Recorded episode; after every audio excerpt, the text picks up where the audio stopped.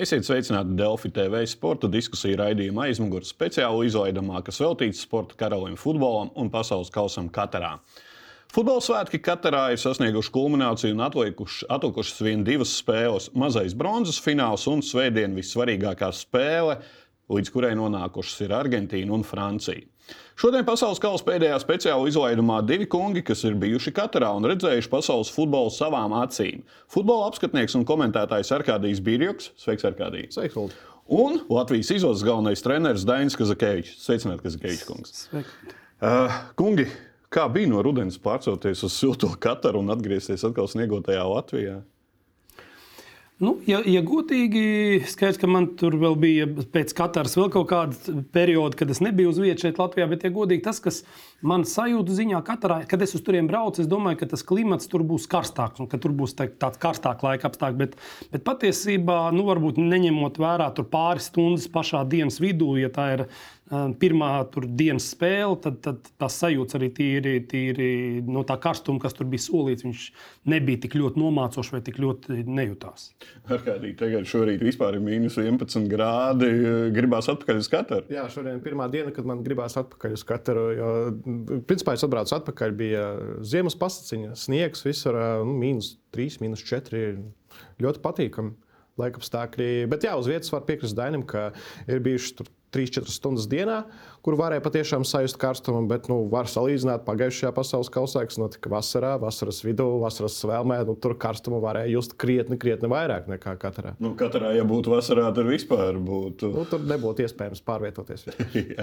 Redzēju jau sociālajos tīklos, likt bildītas, ka cilvēki meklējuši ēnu tur, kur vien varējuši, kā bija ar šo atvēsināšanos. Nu, īstenībā nu, es parasti ņēmu tās spēles, kuras ir agrās, pēc Latvijas laika 12. un braucu uz stadionu, uz mediju centru, bet tur jau visur kondicionieri, stadionos arī. Un, principā es to karstuma vilni parasti pārdzīvoju iekšā stadionā esot. Es pat pirmo nedēļu nesajūtu, ka vispār jā, karstums ir ļoti patīkams, foršs laiks atrasties ārā. Tie kondicionētāji netraucēja stadionā, bija patīkami vēs vai varēja saķert kādu? Tas konfigurācijas tur bija dažādas. Tur vienā no stadioniem sanāca tā, ka tas kondicionieris tev pūta tieši kakla šeit rajonā. Eh, tad varbūt bija tāds mazliet diskomforts, bet citādi lielākajā daļā stadionu jau tie kondicionieri vairāk tā no augšas strādāja. Un, eh, nē, nē, bija, bija, bija, bija ļoti komfortabli un patīkami. Kopumā atmosfēra un cik saspringts bija šīs nedēļas bijāt? Jā, principā bija tā, ka mēs bijām no tādas pilnvērtīgi sešas dienas. Es biju kopā ar savu asistentu Jurgu Pučinski. Tas galvenais mērķis mūsu braucienam bija mūsu nākamo pretinieku vēlas izlases skautings uz vietas. Mēs, tas bija arī tāds galvenais fokus. Mēs apmeklējām klātienē divas vēlas izlases spēles, bet skaidrs, ka šajā procesā arī apmeklējām citas spēles. Pirmkārt, protams, Horvātija, kas arī ir mūsu pretinieku grupā, viena viņa spēle, un tad vēl trīs citas spēles. Bet, Bet teikšu tā, ka kopumā skaidrs, ka futbola atmosfēra tur bija un viņi jutās. Es varbūt nu, ne tā kā ārkārtīgi tur ļoti iedziļinājos tajās atmosfēras lietās, līdzjutējos un tā tālāk. Mans fokus bija mazliet citāds. Un arī teiksim, tas process bija tāds, ka tajā brīdī, kad es nebiju stadionā vai nedavos uz turieni vai nedavos atpakaļ, lielākoties es biju pie televizora un skatījos citas spēles. Nevis tur varbūt baudīju faktiski tikai vienu dienu. Es tā izgāju ar krasmalu, apskatīju. Vispārējais bija tāds fokus futbolam un arī praktiski, tā spēle, ko tu apmeklē, nu, viņi prasīja apmēram 5-6 stundas, lai laicīgi ierastos pirms spēles, apskatītos visas iesildīšanās, vispār pēc tam nokļūt atpakaļ no stadiona. Jā, un, nu, tas bija tāds vesels pasākums. Un, ja vienā dienā iekrīt principā divas spēles, tur agrā un vēlā, nu, tad faktiski tā viss vis pārējais bija arī loģistika. Bet tā mana sajūta bija tāda, ka. Uh, Nu, no tāda futbola viedokļa, pirms čempionāta es, es arī biju no tās daļas, kas ļoti skeptiski uz, uz, uz, skatījās uz pasaules kausu, ziemā un kaut kā nepierasta. Tad šobrīd es varu teikt, ka no futbola viedokļa iespējams manas domas jau mainījušās. Iespējams, tas nemaz nav slikts formāts, kad Eiropas sezonas vidū, kad spēlētāji labās formās. Notiek šis turnīrs galvenais. Skaidrs, ka tas mīnus ir varbūt stipri samazināts sagatavošanās laiks, un droši vien, ka tādas reāli izvērtējumus mēs varēsim arī redzēt pavasarī, tad, kad šis slodze būs uzkrājusies, kad varbūt būs mazliet citādāks šis arī tāds starp, pat ne starpsezonas, bet vidussezonas posms daudzās līgās, kur parasti bija pieņemts tās pauzes ilgākas. Bet tā pati atmosfēra, protams, ka tas bija lielais futbols, un, un to varēja izbaudīt. To redzējās arī, ka to baudīja līdzjutēji, baudīja speciālisti, noteikti arī paši spēlētāji. Ar kādī žurnālistam laikam arī ir ērtāk, ka šajā ziemā domājot par Latvijas čempionātu, jo tieši ir pauze oh, jā, un var oh, jā. baudīt atkal futbolu. Jā, tā vienkārši pirms četriem gadiem paveicās, ka tā bija vienīgā sezona, ko sports nerādīja. Tad nu, virslīga bija mazliet nostāk, un tad varēja baudīt pasaules kausu uz vietas. Bet šoreiz, jā, virslīgas nav.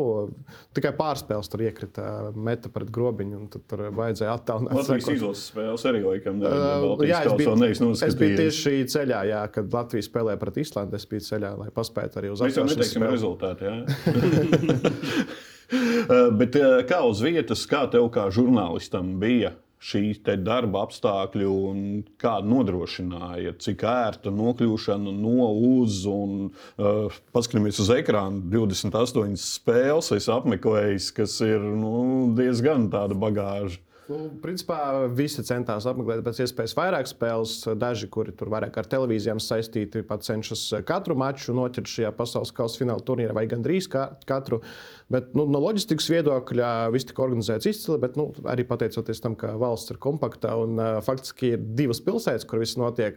Nu, ja mēs tur skaitām atsevišķas daļas, uh, kas ir Dohas piepilsētas vairāk nekā atsevišķas uh, pilsētas, tur nevar saprast, kur beidzas, piemēram, Doha un sākas Alrajana vai Alvakra vai Lusaila, kur arī skaitās atsevišķas pilsētas autobusi, enti autobusi, kas savieno gan pilsētas galvenās centrālās daļas ar katru stadionu, gan uh, autobusu no viena stadiona uz otru. Piemēram, trešajā kārtā, kur bija divas stundas starp spēlēm, tur varēja tāpat paspēt mierīgi. Tu, tu ej, nu, tad pat, pat neskrien, bet ej uz uh, autobusu, tev aizved uz stadionu, aizved uz mediju ieeju, un tur visur varēja paspēt. Principā visas 28 spēles es noskatījos no sākuma līdz beigām. Nebija tā, kā, piemēram, pagājušajā pasaules kausā, kur bija lielāki attālumi un kuras kaut kādus mačus pat kavēja. Uh, kāda bija pilsētās atmosfērā. Parasti mēs uh, redzam šos svinības, līgsmības bāros un tā tālāk. Skaidrs, ka katrā līgsmības bāros, uh, cik viņi tur ir, tikai turismu vietās. Jā. Bet uh, to sajūtu jūti uz ielām. Jā, vienkārši sākumā bija tā patukši, bet, kad atbrauca argentīnieši, meksikāņi, arī marokānieši, nu, tad viss kļuva pavisam citādāk. Jā, tās svinības ir citādākas, nevis tur ar alus kausu rokās, bet vienkārši ar, ar karogu, ar emociju, ar dziesmu. Tur piecas, sešas vietas ir katrā, kur visi tie fani pulcējās. Nu, tas arī atkarīgs no tā, kur spēle notiek, tuvāk stadionam. Uh, tur varēja izbaudīt un saprast, jā, tas ir pasaules kausa, jā, drusku citādāks. Jā, apkārt ir daudz uh, indiešu, pakistāniešu, kuri ir pārģērbti visu izlašu kreklos, bet nu, kopumā varēja, varēja to svētku emociju dabūt. Fans, kuri pārģērbti. Jā. Nu, to bija ļoti daudz, tīpaši, piemēram, Brazīlijas izlases spēlē pret Kamerunu. Es biju kopumā brazīliešu atbraucis ne tik daudz atšķirībā no argentīniešiem. Tad tur vienkārši skaties, un visi ir no Āzijas. Un, ja pat īsti nezinu tos spēlētājus, kuri tur laukumā ir. Kazakēvičs kungs, bijāt uz spēlēm, cik sanāk kopā? Kopā sešas. Kopā sešas. Uh, arī kaut kādi treneru, uh, nezinu, kursi, nē, bet uh, kaut kādi fórumi bija vai kaut kur apmeklējāt? Nē, nē, nē, nē. man principā tā bija tāda nu, nosacītā privāta vizīte, kad, eh, kad es faktiski kā vienkārši līdzjutējos eh, kopā ar visiem varēju to izbaudīt. Arī tas bija īstenībā interesanti, tas process, viss jā, došanās ar metro uz, uz spēli, kur arī varbūt turpat vairāk varēja tajās metro ieejās, izējās, izbaudīt to, to, to, to līdzjutēju atmosfēru, jo bija pietiekami skaļi un atbalstoši. Un, un, un, un, un, un teiksim, jau stipri pirms spēles, ņemot vērā, ka es mēģināju tā vismaz stundu pirms spēles būt jau faktiski stadionā, lai arī tā skaitā paskatītos dažādas iesildīšanās, sagatavošanās procesu pirms spēles.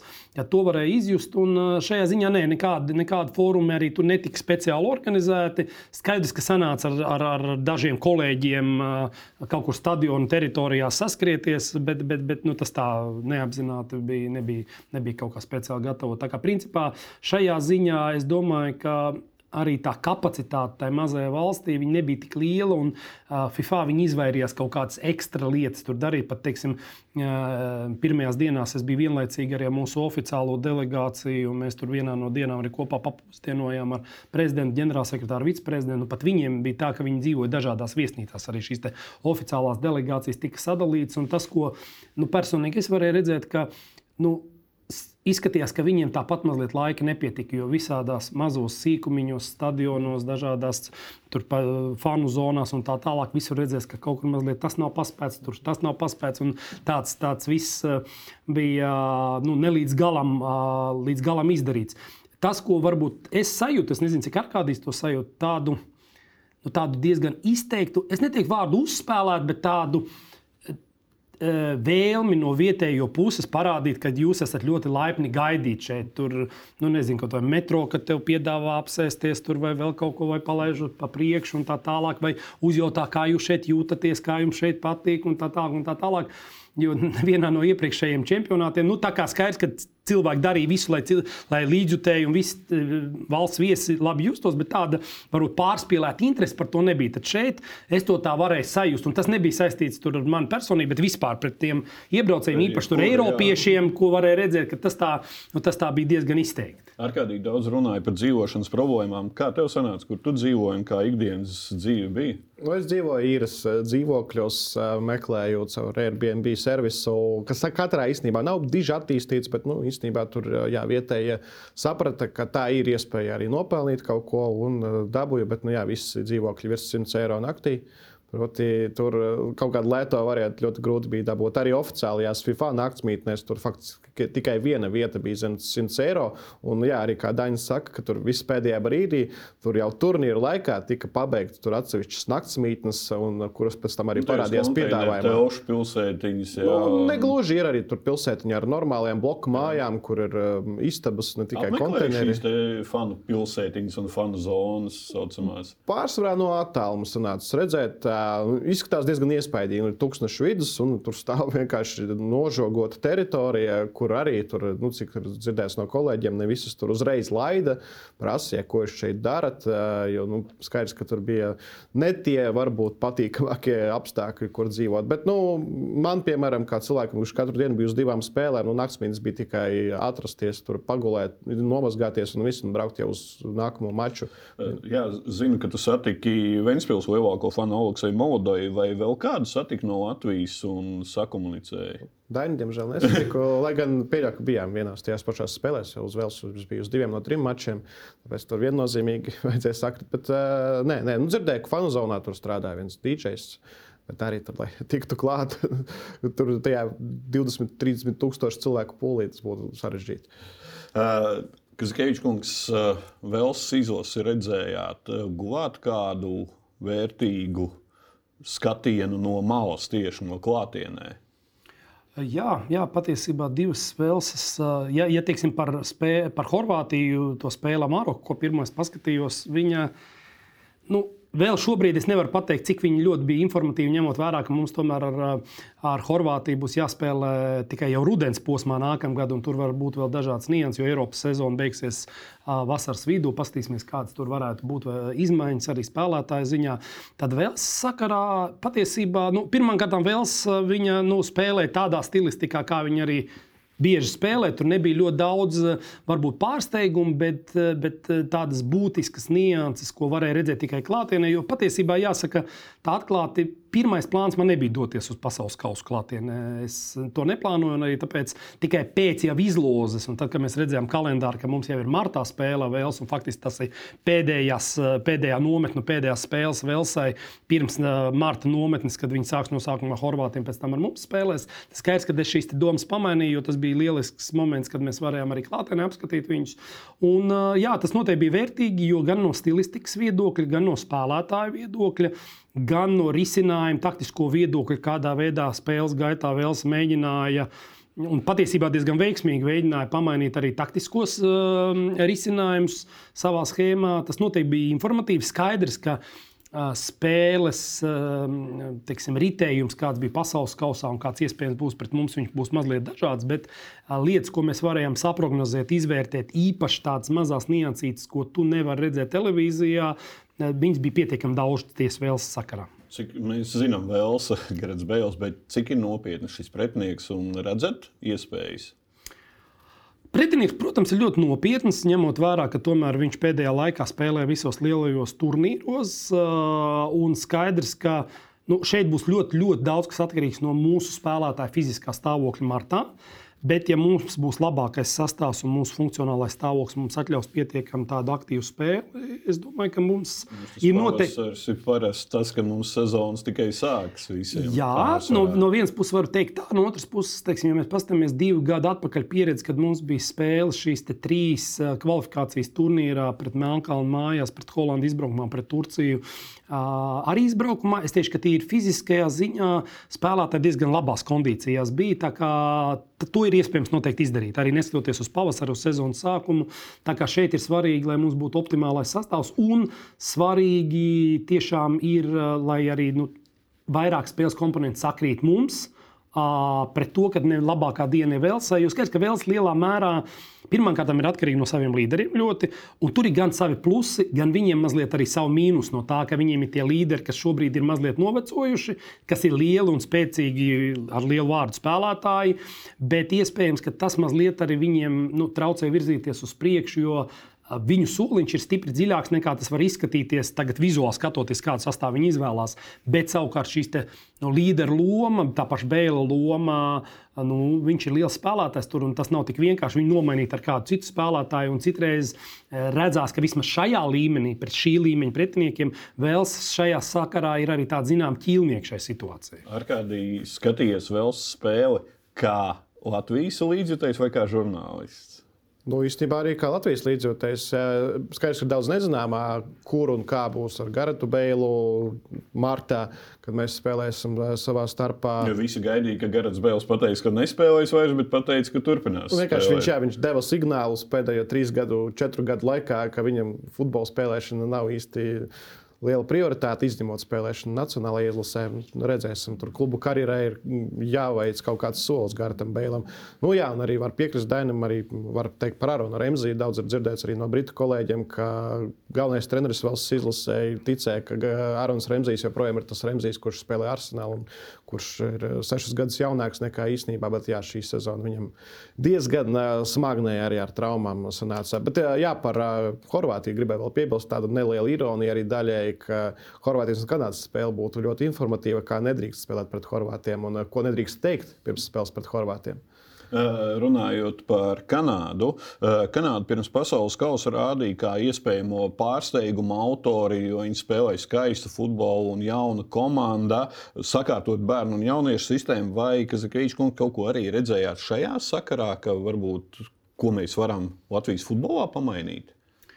Nu, neslēpšu, es neteikšu, ka es esmu ļoti dziļi iepazinies šobrīd ar Kanādas spēlētāju sagatavošanas sistēmu. Lai gan tad, kad es biju sporta direktors, tieši attiecībā kādus soļus viņi veica, tehniskās programmas izstrādē, kāda viņa bija spēles koncepcija un pieeja. Mēs, mēs ar to bijām savulaik iepazinušies. Kā komanda, nu, vai vispār faktiski abas šīs Ziemeļamerikas komandas, gan ASV, gan Kanāda, viņas bija tāds. Nu, Priekš maniem spēles ziņā, es neteikšu pārsteigums, bet izraisīja patīkamas emocijas. Uh, Bet parasti pasaules kausa ir tā vieta, kur ļoti reti var ielikt vienā plauktā veiksmīgu rezultātu un nu, teiksim, tādu azartisku spēli, īpaši, ja tev ir vēl jauna, nepieredzējusi komanda. Nu, tas ir diezgan sarežģīts salīmējums kopā, bet tajā pašā laikā, manuprāt, kopumā komanda, kas tāpat kaut kādā laika posmā diez vai viņi varētu pretendēt uz milzīgiem rezultātiem. Kaut gan ne, nekad neko nevar zināt pirms turnīra. Es domāju, ja kādam pateikt, ka Maroka būs uh, pusfināliste nu, un, un reāli pēc dažām dienām spēlēs par medaļām. Tad nu, reti kurš to būtu noprognozējis, manuprāt. Nu, es noteikti nē. Es ejam noteikti uzreiz iekšā, tad Jā. jau pieminējāt, tad ejam paskatāmies šo te zaru, uh, kur ir aizkļuvušas divas komandas līdz Usēlas stadionam, un Argentīna un Francija spēlēs. Uh, kopumā no manas puses mēs ar kolēģiem tā paskaidrojām un salīdzinājām ar iepriekšējiem pasaules kausiem. nu, sešas komandas ir pārsteigums playoffs. Jo, teiksim, nu, ASV, Japāna, Koreja, Senegāla, tā pati Maroka, protams, jā. Nu, ir tāds kaut kāds pārsteiguma moments, ne tikai viena vai divas komandas. Nu, labi, ASV, Senegāla, vai tie ir pārsteigumi, ka viņi tik nu, plēfos, nu diez vai. Nu, jā, ja mēs skatāmies, varbūt grupas, jā, bet tādā ziņā, ka kas palika aizbort. Jā, aizporta varbūt grupu turnīrā palika vairāk. Jā, skaidrs arī no līdzjūtēm bieži sanāk dzirdēt, ka gribētos tur, lai ceturdaļfinālos būtu visas tās top 10 izlases, nu, nosacīti, kur ir gan attīstītāka sistēma, gan arī vēsture bagātāka ar panākumiem. Bet nu, dabūjām, ko dabūjām. Mēs dabūjām beigās lielisku finālu. Droši vien arī vajadzēja šos divus vienu gan skatām, otru varbūt ne visai skatām. No pārsta līdzjūtēju viedokļa pusfinālus dabūt, lai pēc tam būtu Argentīnas un Francijas fināls. Uh, Kazakevičs kungs, kas jums ir? Jau pieminētā Maroka droši vien ir pārsteigums, bet uh, kopumā. Nu, kopumā droši vien jārunā runāja par playoffiem. Es domāju, ka tas ir diezgan uh, bieži, bieži kad, kad pasaules kausos ir lielās komandas, kas neizkļūst no grupām. Tas nav nekas unikāls. Priekš maniem ir mazliet pārsteigums tomēr poļu tikšana playoffā, ņemot vērā tās spēles kvalitātes, ko viņi parādīja. Lai gan skaidrs, viņi tā diezgan apzināti uh, spēlēja tādu stilistiku, kas ir raksturīga poļu trenerim. Es viņu ļoti labi pazīstu. Viņš arī bija treneris tad, kad mēs ar U21 izlasījām viens pret otru spēlējām. Un, un arī tagad nesen tikos ar viņu izlozē pirms pasaules kausa. Mums tādas draudzīgas attiecības. Tāpēc nu, man dzirdes izbrīna tā poļu prese, kas no vienas puses apzinās, ka viņi paņem trenerā tādu stilistiku, ka viņš vienmēr tādā stilistikā ir strādājis un viņš vienmēr tā viņa komandas tādā stilistikā ir spēlējis. Jā, tas deva rezultātu. Viņi iekļuva plēsoņā, lai gan, nu, teiksim, tā, droši vien, ka pēc tā, kādā veidā tas um, no spēles viedokļa uh, padevās, tas man bija tāds, nu, tas man bija mazliet pārsteigums. Uh, ja runā par vēl kādu komandu, nu, Grūti teikt, es neteikšu, ka man ir kaut kāds liels pārsteigums. Un faktiski, ja mēs skatāmies, uh, tad lielākais pārsteigums bez šaubām ir Maroka. Vēl jau vairāk ņemot vērā, kādas komandas viņi apspēlēja. Ja, jo citreiz tu pa zāru vari iziet un tu aptuveni sava līmeņa vai mazliet spēcīgākas komandas apspēlē. Šeit tomēr ir gan Spānija, gan Portugāla, gan vēl grupu turnīrā Beļģija. Un, un, un, un faktiski nu, ne, man izskatās, nevienam nepa, ne, ne, neviens nevarēs pateikt, nu, ka tas ir kaut kā netīšām. Ja? Skaidrs, ka viņiem ir savs stils, skaidrs, ka viņiem ir pietiekami kvalitatīvi un kvalificēti spēlētāji, bet tajā pašā laikā tomēr turnīrā nokļūt līdz pusfinālam, pasaules kausā. Nu, tas ir ļoti sarežģīti. Mm, Marokas faktoru gadījumā runā arī nu, par šo nejaušību vai vēl kaut ko, bet nu, kā mēs varam runāt par nejaušību, ja komanda, neviens, neviena cita komanda nebija pārspējusi līdz pusfinālam, jo viņi vienīgos vārdus zaudēja pēc savas. La. Jā, jā, Maroka arī. Pret, pret Kanādu Maroka varēja spēlēt tā, kā tā spēlēja pret Franciju, ja nebūtu šie agrie gūtie vārti Francijas. Ne, bet uh, Marokas izlasīja pret Kanādu grupu turnīrā. Varbūt atceroties šo maču. Jā. Jā, stils, nu, tiesa, kāds tur teiks, autobusu, kur Marokai, Horvātijai, bet laikam Polijai pret Argentīnu bija viss, viss iespaidīgākais autobus, kas vispār šajā turnīrā droši vien tika parādīts, jo tur pat īsti nekādas idejas nebija uzbrukumā atšķirībā no tiem pašiem Horvātiem vai Marokas izlases. Jā, Marokas izlases panākums piepildīja vēl lielāku marokāņu pūli Katarā, bet arī Eiropā vakardienas, pēc vakardienas spēles redzam, ir dažādas nekārtības un kārtīgas. Tā kā būtu Eiropā notiktu pasaules kausa. Ja? Katrā laikam uz vietas šādas nebūs. Nebija arī vakar, un nav iespējams vispār. Nu, tādas... Arī uz pasaules kausu parasti brauc cilvēki, tīpaši uz tādu pasaules kausu, kas ir diezgan dārgs.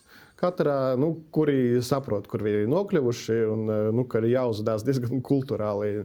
Eh, bet, eh, nu, labi, šādi skati īstenībā Francijā nav kaut kas unikāls. Nav tā, ka Marokas fani tīpaši izceļas arī, kad vietējā čempionātā spēlē lielie derbi. Ne tikai Francijā, arī Beļģijā.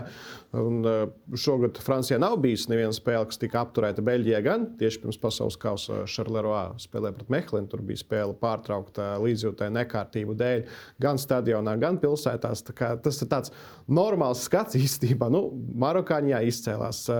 Marokāņi, starp citu, arī līdzīgi svinēja tikšanu pasaules kausā, kad viņi pieveica Kongo ar Glodīnu Gondā sastāvā no Rīgas FC. Tad arī tur bija visās šajās pilsētās aptuveni tikpat liels jandāliņš. Un tur pretī paskatāmies Argentīnas. Argentīnā fantastisks svinības, skatās visi kopā uz lieliem ekrāniem. Nu, tur ir vairāk kā 100 tūkstoši, man tā liekas. Uh, uz vietas, kas Keičkungs arī izjutāt šo te ārpus stadiona, to fanošanu kaut kādu. Un, Nu, faktiski, laikam, es biju tajā periodā, ko Arkādijs teica, pašā čempionāta sākumā, jo es faktiski otrajā dienā čempionātā biju ieradies un, un, un, un bija 6-7 dienas.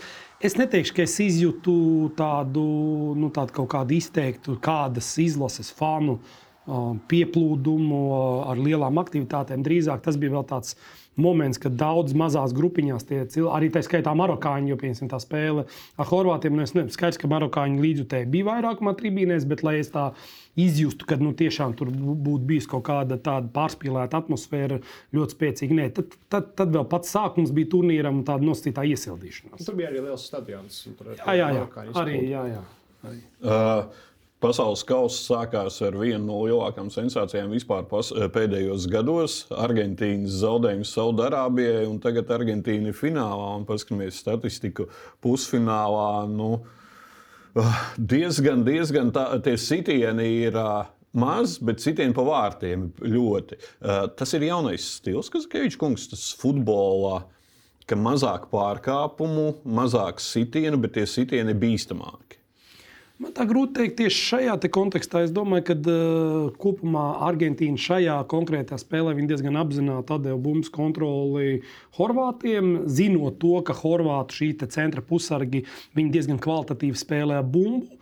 Viņi ļāva mēģināt viņiem to darīt kaut kur zem, zem šīm aizsardzības bloka līnijām, kur viņi nav vispār bīstami. Un tās pirmās, teiksim, pirmā spēles daļa, nu, viņi vispār bija tāda, tāda izlūkoja vienu, izlūkoja otru, nevarēja saprast, nu, kāda ir šobrīd tā ideja, kā viņi mēģinās viens otru apspēlēt. Un, un šai ziņā vispār Argentīna var izcelt no tāda viedokļa, ka tā ir pietiekami taktiski elastīga komanda priekš lielas komandas, kas varētu spēlēt tādā ļoti izteiktā stilistikā, viņi tajā pašā laikā saprāta robežās, bet tomēr pielāgojās kaut kādām attiecīgi ļoti izteiktām, spēcīgām pusēm savām pret pretinieku un ir gatava iziet četriem ar pieciem aizsargiem, izi, paņemt bumbu zem kontroli, sadot iniciatīvu, meklēt iespējas starp līnijām, saņemt bumbu, meklēt iespējas malējās zonās uzbrukt. Es domāju, ka, teiksim, runājot par sitieniem, nu, tā stilistika Man, man šķiet, ka tas nav tāds izteikts trends, jo skaidrs, ka uh, katrā, katrā no tām spēlēm nu, tas scenārijs bija dažāds. Bet tas, kas vieno, manuprāt, pasaules kausu, ka komandas mēģina maksimāli efektīvāk spēlēt. Ka viņas nevis vienkārši izdomā kaut kādu savu zīmējumu un pieturās neatkarīgi no tā, vai tas dos labumu vai nē, un cik tas ir realistiski. Bet ļoti daudz šobrīd tiek likts uzsvars uz efektivitāti. Kaut arī tas pats presinga piemērs. Ja mēs skatāmies, kā komandas presingo, tad jau vēl gadi 4, 6 atpakaļ, citreiz bija tas bija, bija totāla skriešana, visu laiku skriešana ar milzīgu apjomu. Tad šobrīd, nu, droši vien, varbūt az, aziātu dažām komandām vēl tas skriešanas apjoms ir liels, bet citādi tas ir ļoti pārdomāts, atstrādāts un uh, cenšas spēlēt ļoti energoefektīvi komandas. Un kaut vai teiksim, gan presingā, gan nu, Messi piemērs. Viena no lielākajām varbūt, plusiem, ko es redzu Messi, ka viņš skaidri apzinās savas funkcionālās spējas, savu vecumu, un viņš šajās spēlēs šobrīd vismaz, un tā ir lielākā priekšrocība, pareizajā laikā izdara tās darbības, ko viņš ir spējīgs. Koeficients ļoti augsts, ir ļoti, ļoti augsts. Vairs nav šis te marakāņiem tādā ziņā, laikam varētu teikt, ka viņi vakar arī pusfinālā nu, kaut kur skrēja šo te, kā, kas Geidžs kungs teica, tos uh, presingu ātrāku. Netradicionālāk futbolu nekā šis klasiskais Francijas, Argentīnas. Nu, viņš arī aicināja ciemos savā laukuma pusē, Francija. Bet īstenībā par izteiktu stilu, tu varētu piebilst, ka, nu, manuprāt, šajā turnīrā divas komandas izcēlās ar to, ka viņiem katrā mačā bija plus-mínus viens tas pats stils - Saudārābija un Spānija. Abas komandas diezgan ātri šo turnīru finišēja. Uh, jā, runājāt jau kolēģi, ka bija viens zaudējums ēdiens visā turnīrā īsts tāds. Tas ir uh, Anglija, Francija, un tagad laikam būs otrs zaudējums. Nīderlanda, Argentīna joprojām, man liekas, ir uh, iespaidīgākais mačs šajā fināla turnīrā. Uh, jā, tur varētu piekrist tādā ziņā, arī emociju ziņā. Jā, 18 tās, tās emocijas, nu, droši vien man tā ir spilgtākā emocija, lai gan es biju daudz klātienē, bet skatoties arī labā draugu kompānijā, Nīderlandes un Argentīnas spēlē, arī priecājoties par uh, Teonu Kopmeineru piespēli. Visi izceļ Veikhorstu, bet es kā Itālijas asērijas fans priecājos, ka Atalanta spēlētājs izdomāja šādu risinājumu. Kazakēvičs kungs, šo izspēli Nīderlandes, tas ir pēdējās sekundes, pēdējais uzbrukums. Cik jābūt ir stipriem nerviem šādu te, un ko treneris pēc tam teiktu, ģērbtuvē, tas neiziet cauri. Es teikšu, ka priekš maniem tas vispār bija spilgtākais moments līdz šim pasaules kausā. Kad playoff spēlē zaudējot 1-2 pēdējā desmitajā kompensācijas laika minūtē, spēlētāji pieņem tādu lēmumu, izspēlē un gūst tādus vārdus. No tā ir fantastiska. Tā ir fantastiska pārliecība par saviem spēkiem. Tas noteikti ir fantastisks darbs pirms tam, lai to visu atstrādātu. Jo pēc tam, kad arī parādījās sociālos tīklos piemēri, kad šis pats uzbrucējs kluba, manuprāt, Jā, karjerā jā. divi gadi atpakaļ ļoti līdzīgi golu, mazliet citādākā varbūt spēles periodā, bet guva. Nu, tas, tā, tā, tas ir Holandas futbols. Tas, tas raksturo Holandi. Manā skatījumā tur nu, ne katra komanda un ne katrs spēlētājs, jo faktiski jau to lēmumu pieņem spēlētājs laukums. Skaidrs, ka tur treneris vai kāds cits tur nekliedza neko un neteica, darām tagad ceturto kombināciju vai ko. Tur skaidrs, ka tajā brīdī spēlētājs Kādam ir jāuzņem paņēma uz sevi iniciatīvu vai vairāk spēlētāji. Plus, protams, sakrīt arī moments, ka tā situācija uz laukuma izvietojums pretinieku komandas bija tāds, ka nu, viņi to mēģināja un tas izdevās. Un, un tā bija jau arī ar aizsardzību nav tomēr tā, kaut Nē, nē, kādas nu, tā- lai, gan, Argentīnai tā ir tāda lieta, nu, par ko tagad arī spriež, un, un to var atzīmēt, ka viņi tomēr divas spēles šajā turnīrā bija tādas, kuras spēles beigās, esot vadībā, nu, viņiem bija zināmas problēmas aizsardzībā, nospēlēt pietiekami racionāli un konkrēti. Ja pēc brazīliešu skaistā gola šķērītes teicām, ka tas ir uh, gada gols jau FIFA vērtējumā, laikam es tagad teikšu, šis te, ne, tas gols nav skaists varbūt pats par sevi bumbas raidījums iekšā,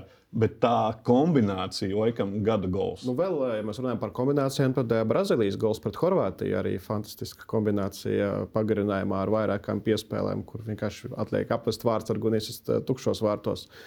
Tādā ziņā ir dāvājis ne tikai šos skaistos gols, kas ir skaists sitiens no standarta situācijas vai nav- kas, bet nav, tieši nav šāds. daudz, nav daudz tādu sitienu bijis. Nu, ko mēs tur varam atcerēties? Mēs varam atcerēties Čābas sitienu, Meksikas Saudārābijas spēlē Rešforda tiešais brīvstiens, bet playoff mačos vai vispār ir bijis kāds tāds, nu, Čāmenī, ok, pret Angliju. Tas arī viss.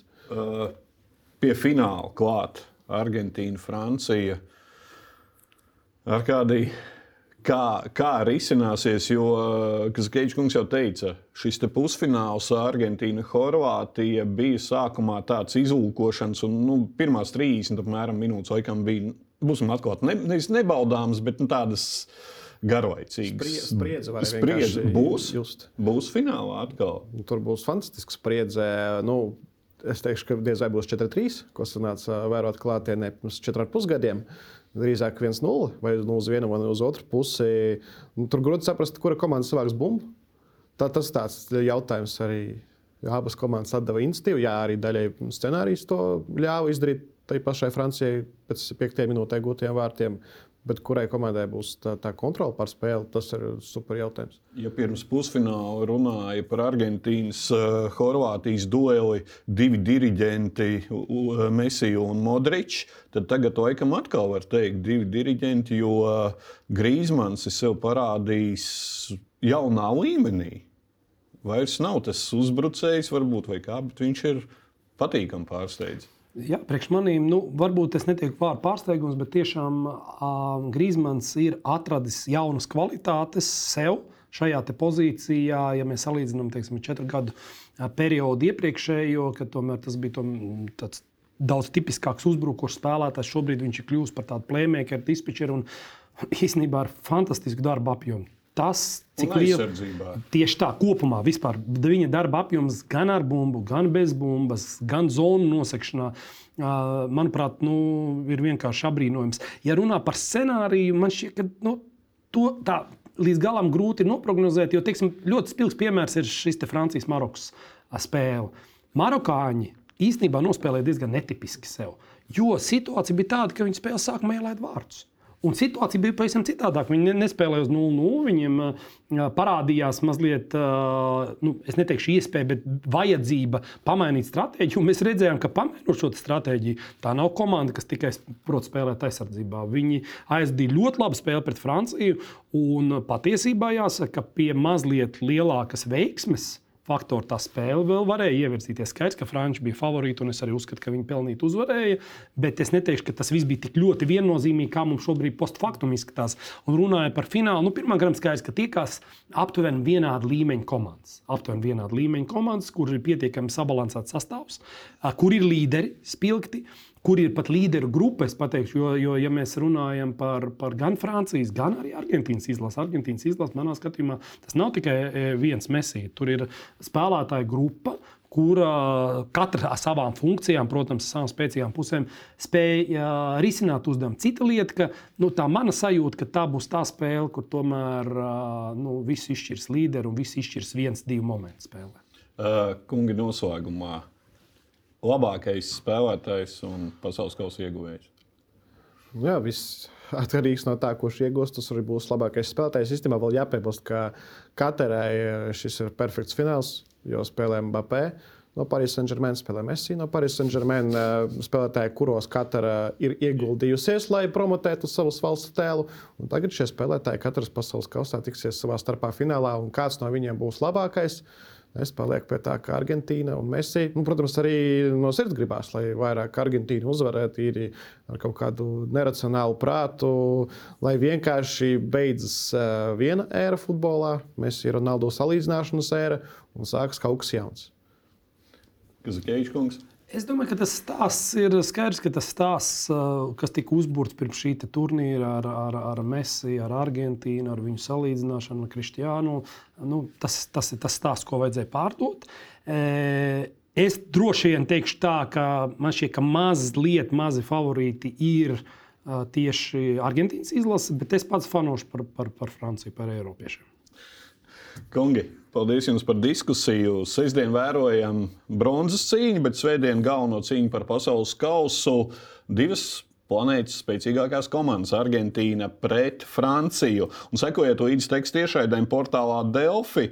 Bet pēc nedēļas raidījumā aizmugurē ar kolēģiem Jāni Benziku un Almantu Poikānu atskatīsimies uz 2022. gada sporta notikumiem. Šis bija sporta diskusija raidījuma aizmugures speciāla izlaidums, pēdējais šajā pasaules kausā, un katrā, vēl, katrā notiekošajam pasaules kausam veltītie speciāla izlaidumi top sadarbībā ar Philips un Binance. Mans vārds ir Ulrichs Strautmans, lai mierīgs ceturtdienas vakars!